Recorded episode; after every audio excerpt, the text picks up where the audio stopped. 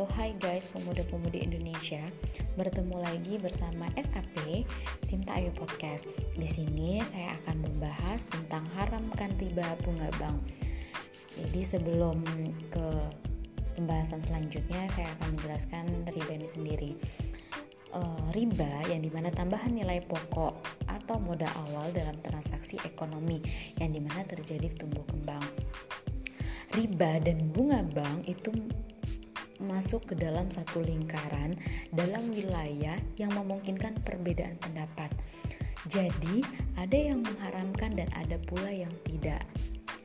Di sini saya bermaksud ingin mendiskusikan haramkan riba bunga bank karena masih banyak polemik-polemik uh, para ulama dan para akademisi. Nah, uh, tak dapat dipungkiri diskursus soal bunga bank dan riba didominasi oleh pandangan ulama tradisional dan konservatif yang mengharamkan segala bentuk kelebihan dalam transaksi hutang piutang dan jual beli. Selanjutnya eh, jadi eh, riba yang tidak serta merta bisa diterapkan pada lembaga perbankan, saya coba akan mendiskusikan di segmen kedua dengan seorang akademisi, dosen salah satu di Universitas uh, Negeri Islam. Jadi uh, saya akan mendatangkan narasumber.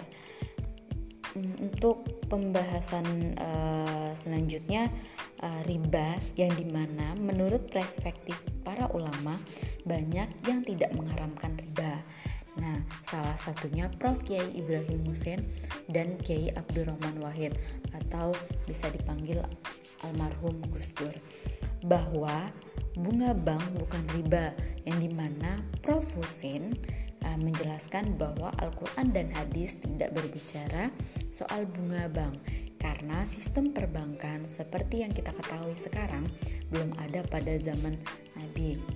Jadi saya di sini mencoba uh, membuka uh, buku tentang perbankan. Saya uh, membuka jurnal. Saya uh, melihat uh, membaca artikel.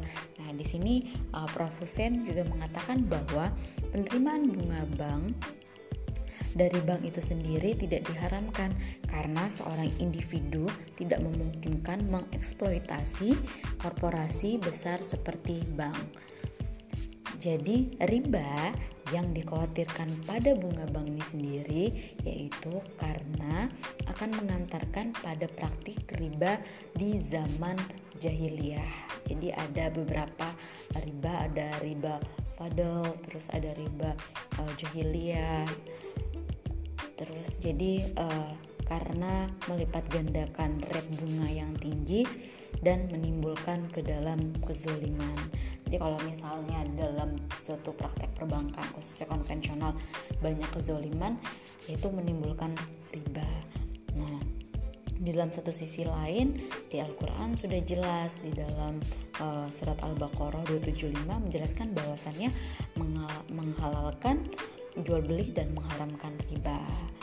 Nah, dalam polemik dan kegalauan tentang haramkan riba bunga bank, eh, kita lanjutkan ke segmen kedua.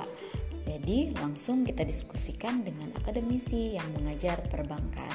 Uh, terima kasih, semoga bermanfaat. Assalamualaikum warahmatullahi wabarakatuh.